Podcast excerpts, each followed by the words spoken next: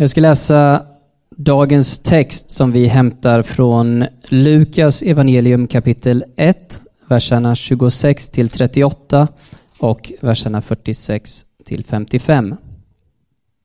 I den sjätte månaden blev ängeln Gabriel sänd från Gud till en ung flicka i staden Nasaret i Galileen. Hon hade trolovats med en man av Davids släkt som hette Josef och hennes namn var Maria. Ängeln kom in till henne och sa var hälsad, du högt benådade. Herren är med dig. Hon blev förskräckt över hans ord och undrade vad denna hälsning skulle betyda. Då sa ängeln till henne, var inte rädd Maria, du har funnit nåd hos Gud. Du ska bli havande och föda en son och du ska ge honom namnet Jesus. Han ska bli stor och kallas den högstes son. Herren Gud ska ge honom hans fader Davids tron och han ska härska över Jakobs hus för evigt och hans välde ska aldrig ta slut. Maria sa till ängeln, hur ska detta ske? Jag har ju aldrig haft någon man. Men ängeln svarade henne, helig ande ska komma över dig och den högstes kraft ska vila över dig. Därför ska barnet kallas heligt och Guds son. Elisabet, din släkting, väntar också en son nu på sin ålderdom. Hon som sades vara ofruktsam är nu i sjätte månaden.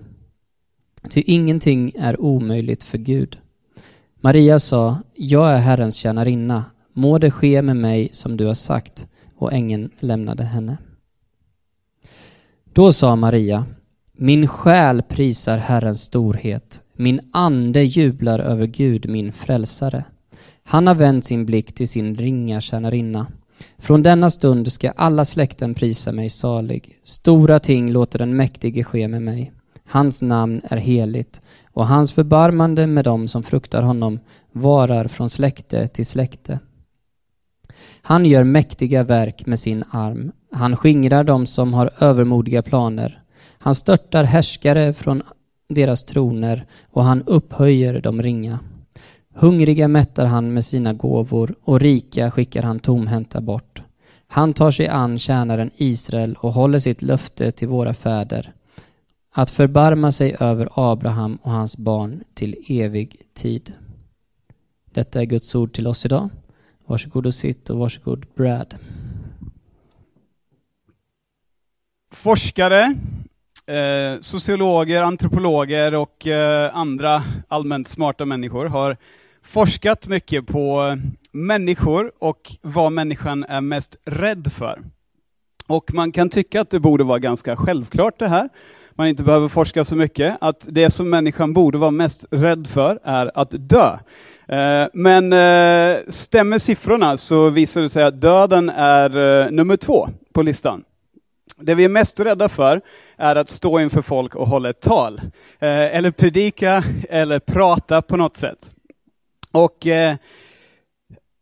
det här är ju det här vi, vi, vi får in första citatet för idag. Och det kommer inte från teologerna N.T. Wright, eller Eugene Peterson eller Tim Keller, utan från den stora talaren och djupa tänkaren eh, Jerry Seinfeld. Och eh, han säger så här, At a funeral, the average person would rather be in the casket than giving the eulogy. Alltså hellre vill man ligga i kistan än att stå och hålla talet, för att man är så rädd för att stå inför en grupp människor.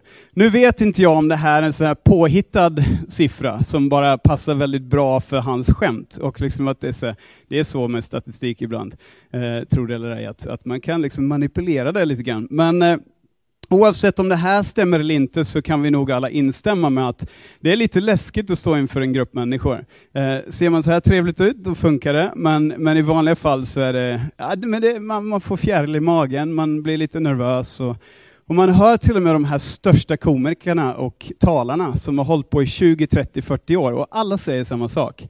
Varje gång jag ska upp på scen så har jag fortfarande lite svaga knän, lite fjäril i magen, lite konstig mage och så vidare. Det, det verkar aldrig försvinna.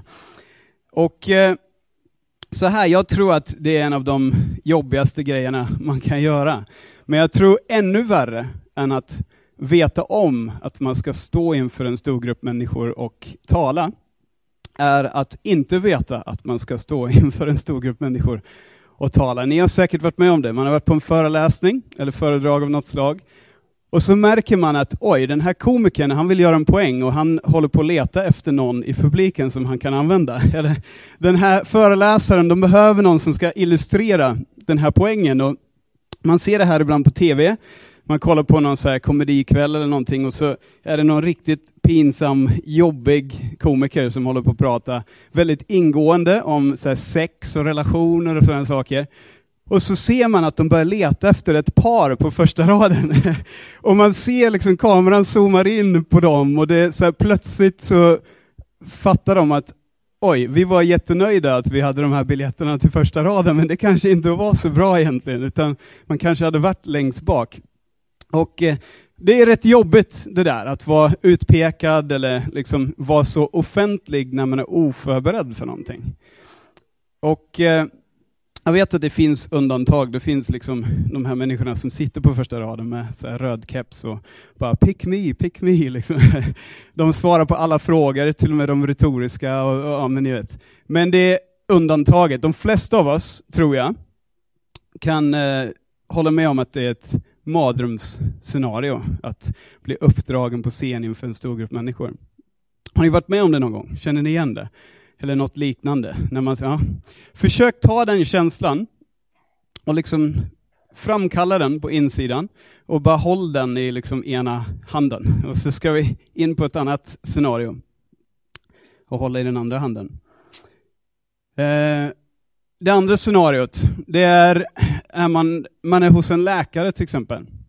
Och man får ett jobbigt besked. Eh, man får ett telefonsamtal och eh, man hör direkt på rösten att det är någonting. Det här är inte bara ett vanligt telefonsamtal. Jag kommer ihåg själv för sju år sedan, jag satt vid mitt skrivbord i England på mitt kontor.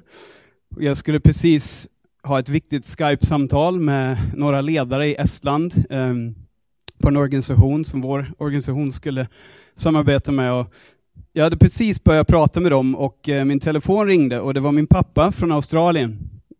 Och han ringde, han ringde och han ringde och jag kände så här, det här är ett jätteviktigt samtal för mig, jag vill, jag vill inte ta det här, jag får ringa honom sen. Men han, han slutade inte, han bara fortsatte att ringa och ringa och ringa. Och till slut så fick jag säga till de här eh, ledarna att förlåt, jag vet att det här är dålig stil och det är första samtalet, men ni får, ni får vänta lite, jag måste svara. Och jag lyfte luren och eh, det är min pappa och jag hör direkt, det är någonting. Eh, och han berättar att min styrsyster Bianca, hon eh, var 31 år, ett år yngre än mig, har en nioårig dotter, en som stående mamma. Och han berättar att hon har dött helt plötsligt och eh, hon finns inte mer.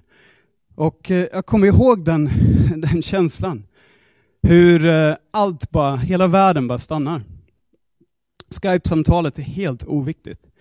Min to-do-lista, helt oviktig. Min kalender, det är totalt oviktigt. På sex timmar sitter jag på ett flyg till Australien. Jag har skrapat ihop pengar, jag hittar biljetter och jag bara åker. Det är det enda jag kan göra. Och det är ett sånt där samtal, jag behöver inte gå in på detaljer på den storyn, men jag kommer aldrig glömma den känslan. Aldrig kommer jag glömma den känslan. Och eh, du kanske fått ett besked någon gång, du kanske fått ett sånt samtal någon gång. Någon har gått bort, någonting har hänt. Och eh, försök hitta den känslan också. Jag vet att den är jobbig, men försök hitta den och liksom hålla den med andra handen. Och så tar vi de här två känslorna och någonstans där, i mötet mellan dem, så möter vi den här unga tjejen Maria. Eh, hon, hon är en tonårstjej och eh, hon befinner sig i en situation där hela känsloregistret Eh, alla tankar, liksom alla känslor som vi har pratat om nu. De, de, hon måste ha känt allt det och, och, så mycket mer. Vi börjar bara skrapa på ytan. Men, men tänk på henne. Hon ställs inför en situation där hon kommer bli väldigt, väldigt offentlig. Hon kommer ställas på en scen, inte bara inför några personer, utan inför hela världen. Och hon är helt och hållet totalt oförberedd. Och det är ett samtal, ett besök, ett besked som kommer totalt förändra hennes liv på bara några sekunder. Precis som det telefonsamtalet. Idag är Jungfru Maria bebådelsedag. Det är en av de största dagarna i kyrkoåret. Ehm, vi pratar om skapelsen, inkarnationen, korsfästelsen, uppståndelsen, sådana här stora, stora händelser. Mysterier som är svårbegripliga. Och precis lika svårt som det är att begripa hur Gud kan skapa hela världen eller hur Jesus kan uppstå från de döda, lika svårt är det att begripa med våra hjärnor hur det här funkar. Hur funkar det här att Gud och människan och 100% Gud och 100% människa. Och det är svårt att få ihop. Men, eh, men det är ett, ett under och det är någonting vi ska titta lite närmare på. Bebådelse, det ordet, det betyder att bringa budskap, att kungöra eller att få ett besked, få ett samtal, få, få veta om någonting.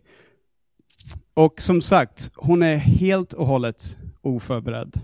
Hon sitter på första eller andra, eller inte ens andra, utan kanske längst bak egentligen, om man tänker alla olika människor som Gud hade kunnat välja. Och så kommer ängeln och besöker henne. Hon ska kliva upp framför hela världen, helt oförberedd. Och som vanligt är det viktigt att försöka sätta sig in i hennes situation. Vi har facit i hand, men hon har aldrig hört, hör och häpna, julevangeliet. Hon har aldrig gått på söndagsskolan och hört julberättelsen illustreras med en flanellograf. Lucky her. Hon har aldrig tagit fram en julkrubba och ställt den bredvid julgranen när man har hållit på att pynta i början på december. Det är inte hänt än. Hon vet inte om vad som kommer hända. Hon har ingen facit i hand. Och vi kommer titta lite kort på den här berättelsen. Titta på Gud, titta på Maria och titta på oss själva. Vi börjar med Gud. Gud visar sin nåd och han ger sin kraft. Gud visar sin nåd och han ger sin kraft. Skulle kunna prata bara om liksom, de här verserna hur länge som helst. Det här är ju stort, men jag ska försöka hålla mig kort. Nåd och kraft.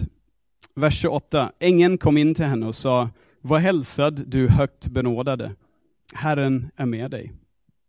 Och det ligger så mycket i den här versen. Så otroligt mycket i en ganska kort vers. Det är Gud som söker upp henne. Gud säger att han är med henne, han är med oss. Gud visar här, han vill samarbeta med oss, han vill samarbeta med henne. Det beror inte på oss. Det står att, vad hälsar du högt benådade. Det är inte för att hon är duktig. Det är inte, vad hälsad du duktiga. Det är inte liksom, vad hälsad du prestigefyllda. Det är inte, vad hälsad du som har massa bra kontakter eller ja, bra nätverk på LinkedIn eller massa följare på Insta eller vad det nu är. Det är du högt benådade. Alltså det är nåden som kommer fram här. Han vill ha oss och det är möjligt genom hans nåd. Och det här är ju början på storyn där Gud flyttar in i kvarteret där vi bor, som vi gillar att prata om så mycket här i United. Det är här han börjar liksom lyfta på locket och visa på den här storyn. Han har varit igång länge och jobbat med det här, men det är här han börjar liksom visa för mänskligheten hur han har tänkt lite mer detaljerat. Och vi ser att det är genom nåd.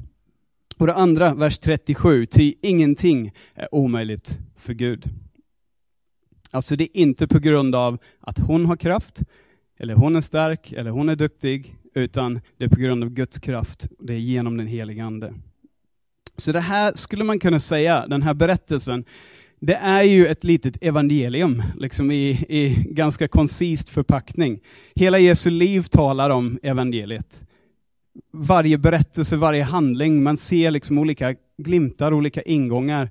Men här har vi, har vi liksom en, en, en berättelse om en människa som inte kan göra någonting själv, inte har förutsättningarna, men där Gud kommer och gör det möjligt med sin kraft genom sin nåd. Vi kommer tillbaka till det.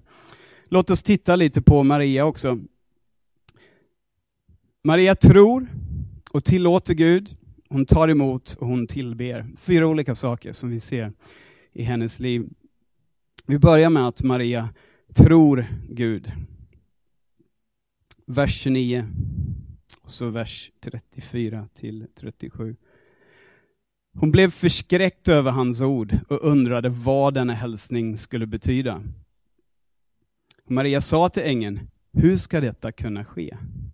Jag har ju aldrig haft någon man. Men ängeln svarade henne, helig ande ska komma över dig och den högstes kraft ska vila över dig. Därför ska barnet kallas heligt och Guds son. Elisabet, din släkting, väntar också en son, nu på sin ålderdom. Hon som sades vara ofruktsam är nu i sjätte månaden. Ty ingenting är omöjligt för Gud. Där kommer det igen. Så låt oss kolla lite kort på det här med att Maria tror på Gud. För i början så är hon rädd. Vi ser att hon sitter på första eller sista raden. Hon känner att nu, nu börjar liksom alla kameror, alla spottar börjar riktas mot mig. Nu, nu börjar liksom Gud zooma in på mitt liv här. Jag kommer, jag kommer plötsligt ställas inför hela världen som någon form av exempel eller, eller liksom kanal för att bära fram Gud till världen. Och Man kan tänka sig vad som hände i hennes huvud. Hon måste ha haft väldigt, väldigt många frågor, eller hur? Jag menar rent biologiskt, hur ska det här funka? Eh, rent praktiskt, hur ska det här funka?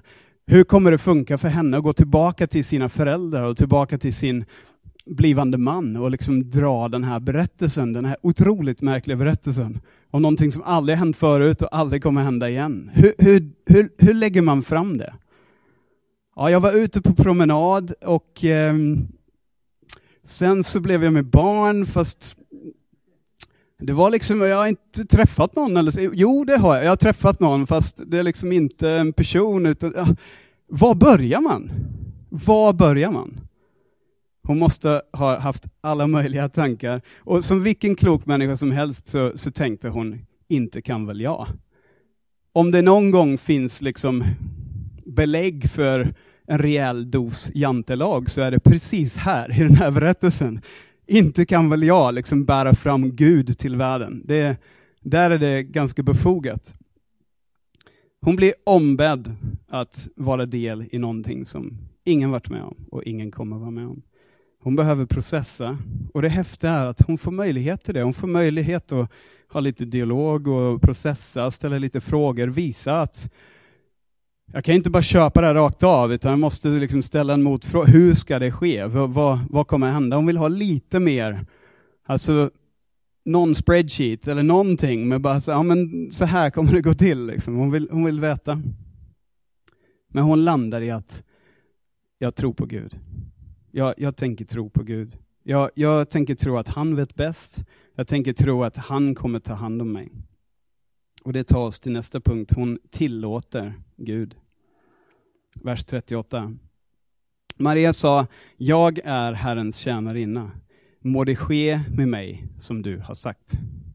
Och Det där är ju egentligen bara gammaldags svenska för ja. Må det ske med mig som du har sagt. Hon säger bara ja. Gud, ja ja, det här är jobbigt, det här är tufft, jag har helt andra planer. Men, men jag säger ja. Och ni kan tänka er, om någon har planerat bröllop någon gång, det finns ju vissa tjejer som liksom så föds med så här bröllopsplanering i huvudet. Eh, jag tror vi har några som kommer hålla på med lite bröllopsplanering här också. Eh, och eh, ja, men Det är en sån där grej som det, det är ganska viktigt. Och på den tiden så tror jag att det var rätt så viktigt också.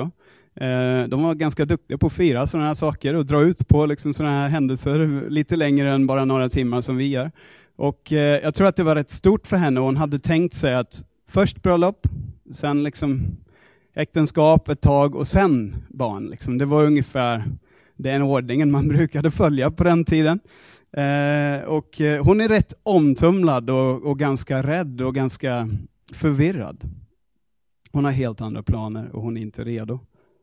Och som sagt, alla scenarion i huvudet. Inte bara Josef, inte bara föräldrarna, utan vad kommer samhället säga? De kan kicka ut henne hemifrån.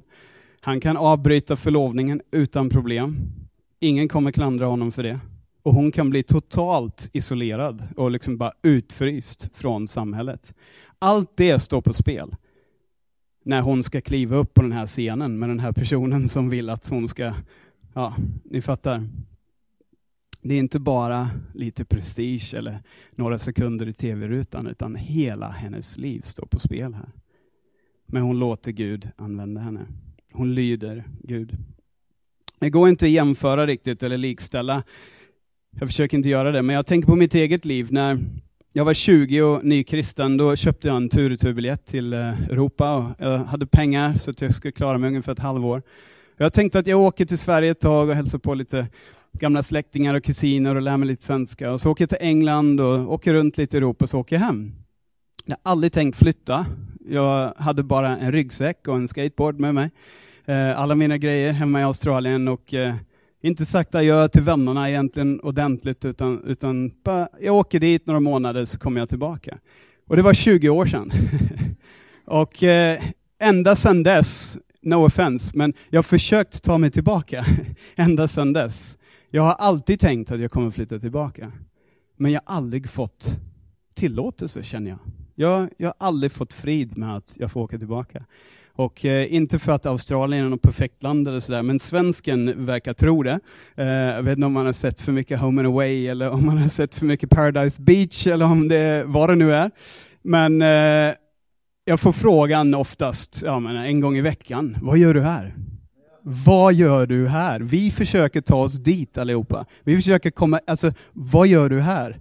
Speciellt så här det här mörka halvåret där jag är djupt depressiv och undrar själv dagligen, varje minut, vad gör jag här? Så, men jag har aldrig fått frid med att åka tillbaka. Det ser bra ut på papper, men det funkar inte.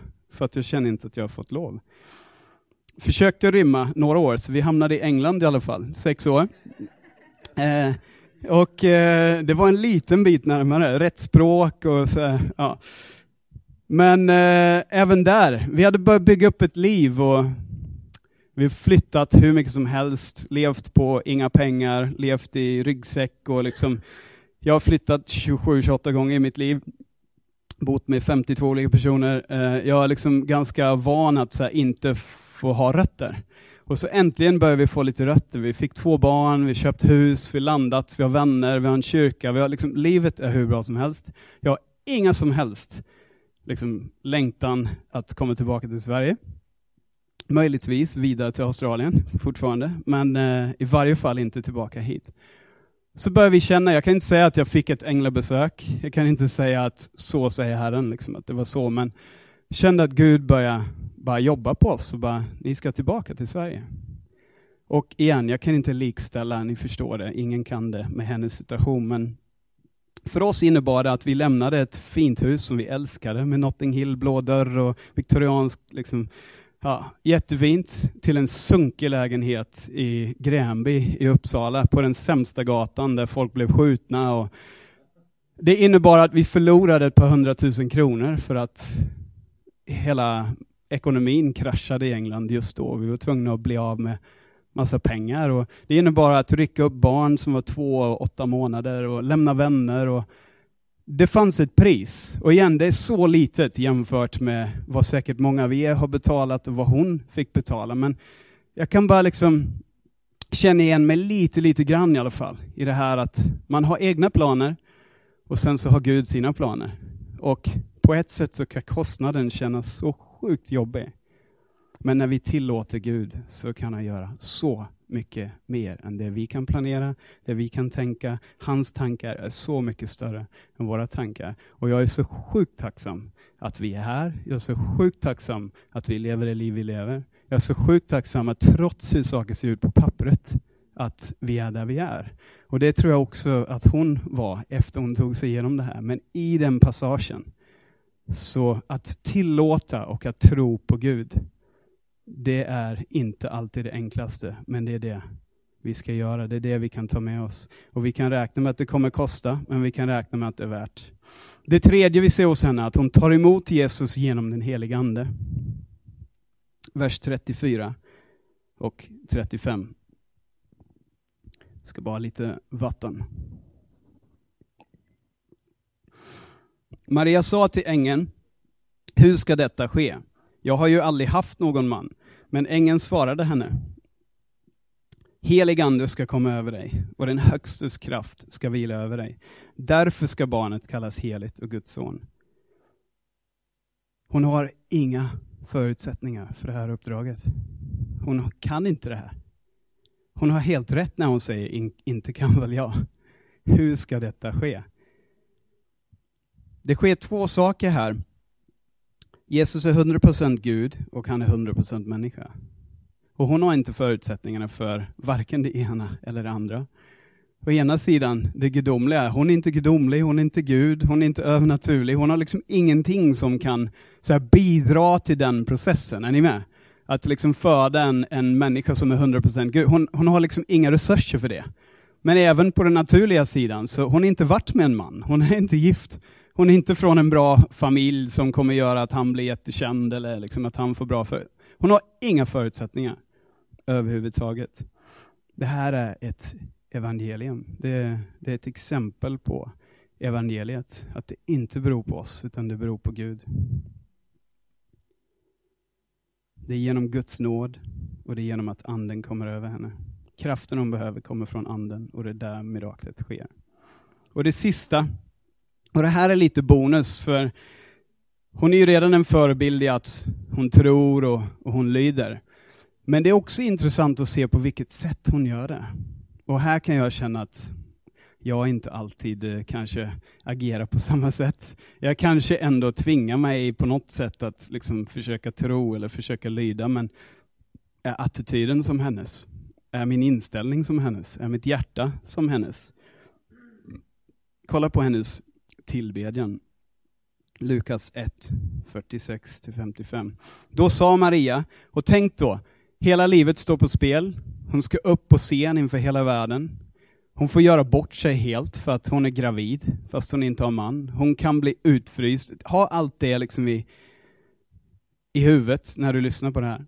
Hon har inte facit i hand som sagt. Ingen julkrubba hemma, min själ prisar Herrens storhet, min ande jublar över Gud, min frälsare. Han har vänt sin blick till sin ringa tjänarinna. Från denna stund ska alla släkten prisa mig salig. Stora ting låter den mäktiga ske med mig.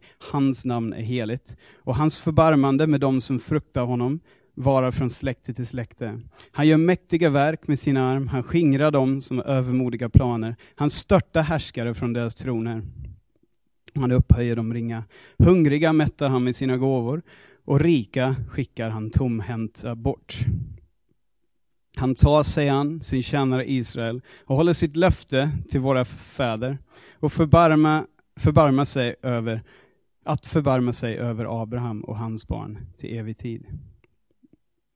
Jag vet inte hur det är för dig, men när allt är jobbigt, när du går igenom en vintertid i ditt liv, som vi pratade om några stycken innan gudstjänsten här.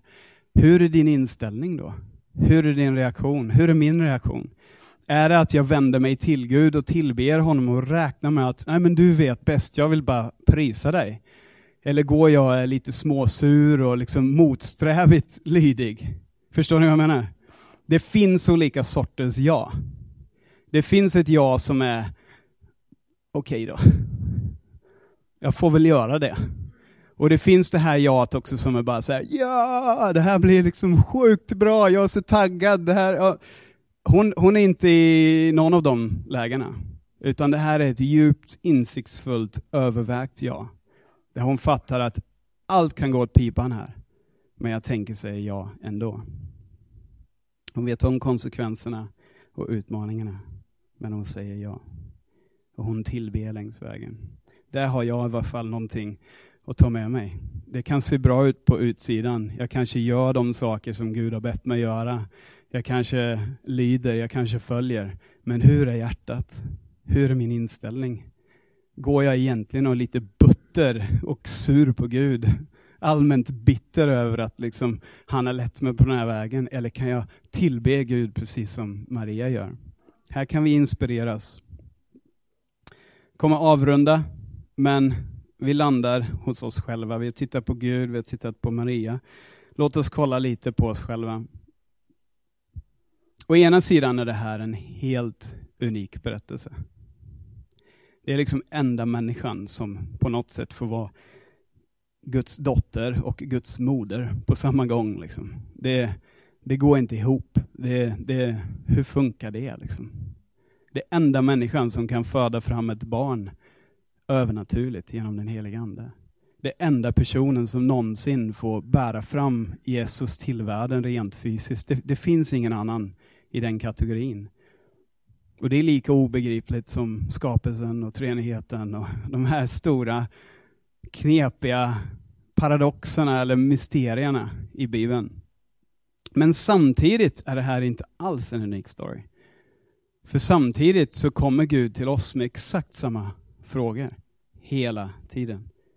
Och vi är precis lika okvalificerade som hon. Vi är precis lika beroende av nåden och kraften som vi pratade om i början för att kunna utföra vårt uppdrag. Men vi får samma två frågor som hon får hela tiden.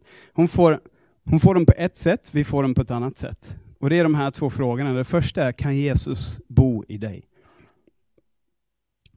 Rent bokstavligt, rent fysiskt i hennes fall. Men i vårt fall, så vi får ändå den frågan. Hela tiden. Precis som ängeln söker henne och Gud söker henne genom ängeln, så söker Gud oss. Vi söker inte honom, men han söker oss. Han letar upp oss, han jagar, han, han följer, han, han ropar, han, han bara jag är här. Jag är den här pappan med öppna armar som väntar på att liksom barnet ska komma hem. Sonen ska, ska komma tillbaka till mig. Han söker upp oss och han frågar, kan Jesus bo i dig? Och vi får också frågan hela tiden, kan du bära fram Jesus till din värld? Och igen, inte rent fysiskt, tack och lov, men samtidigt rent fysiskt genom att vi inkarnerar precis som han inkarnerade och hon inkarnerade. Är ni med? Vi får den frågan. Och för henne var det läskigt, det var obekvämt, det var opassande och det var krävande. Och för oss är det läskigt och det är obekvämt och det är opassande och det är krävande. När man får frågan, kan du bära fram Jesus på din arbetsplats? Kan du inkarnera eller liksom föda fram på ett sätt, inte alls som hon gjorde, men på ett sätt precis som hon gjorde? föda fram Jesu liv och Jesu rike, alltså Guds rike och, och, allt som han står för, där du är. Kan du göra det? Vill du göra det? Är du villig att göra det? Och då, då ställs vi inför frågan, tror vi? Tar vi emot? Tillåter vi? Tillber vi? Hur reagerar du när Gud kommer att ändra dina planer? Vad gör du på utsidan? Och vad händer på insidan? Tillber du? Tillåter du? Vad händer när Gud ber dig göra något långt utanför din förmåga eller bekvämlighetszon? När spotten börjar zooma in på dig och det är så här, uh-oh, han vill ha upp mig på scen här. Han vill, ha min, han vill ha hjälp. Han behöver inte mig, men han vill ha mig. Vad gör jag då? Säger jag ja? Och hur säger jag ja? Kan Jesus bo i dig och kan du bära fram honom till din värld? Låt oss be. Gud, vi tackar dig för den här berättelsen. Vi vet att det inte berodde på Maria. Vi vet att det beror på dig. Vi vet att det inte beror på oss, utan vi vet att det beror på dig. Och Gud, vi har hört ditt evangelium idag, att det är genom nåd från ovan och det är genom kraft från ovan som vi kan samarbeta med dig för att bära fram Jesus till vår värld och Guds rike till vår värld. Och Gud, vi ber att vi ska lära oss av det här exemplet, den här berättelsen och att vi ska kunna, precis som Maria gjorde, tro dig och tillåta dig, ta emot dig och din kraft och tillbe dig längs vägen Gud. Gud, jag ber för den som är här som känner att Gud håller på att vända upp och ner på mitt liv. Han håller på att be mig göra någonting jag är totalt oförberedd för. Han vill att jag ska kliva upp på någon, någon scen eller kliva utanför en båt eller göra någonting som jag inte alls har förutsättningar för att göra. Gud, jag ber att du ger dem tro och lydnad, förmåga att tro på dig och din kraft och din nåd. Att bära och, och hjälpa dem utföra det uppdraget de ska göra. Gud, jag ber för den som har planer som inte är dina planer, Gud. Jag ber för mig själv och mina planer. Jag ber för alla våra planer, Gud. Låt våra planer, om de inte stämmer in på din plan, även om det ser bra ut på papper, Gud, kom och ändra våra planer. Kom och ändra på våra kalendrar, våra to-do-listor. Låt oss få rätt prioriteringar, Herre. Gud, i Jesu namn, ge oss kraften vi behöver för att ta Jesus till vår värld. Och Gud, låt oss aldrig tappa fokus på att det är av nåd till din ära. I Jesu namn.